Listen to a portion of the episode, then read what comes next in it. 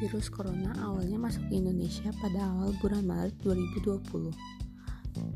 Virus ini memiliki banyak gejala, seperti membuat kita kehilangan penciuman, rasa, demam, dan gejala lainnya. Sejak masuknya virus corona ke Indonesia, banyak orang yang terkena virusnya. Kasus tertinggi orang yang positif corona ada sekitar 11.000 lebih orang. Orang yang meninggal karena positif corona ada sekitar 306 orang dan orang yang sembuh dari virus corona ada sekitar 661 orang.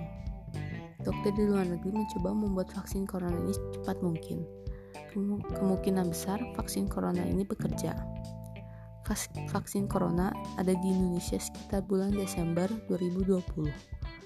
Vaksin pertama di Indonesia diberikan kepada Joko Widodo pada 13 Januari 2021 pukul 11 WIB. Sekian dan terima kasih.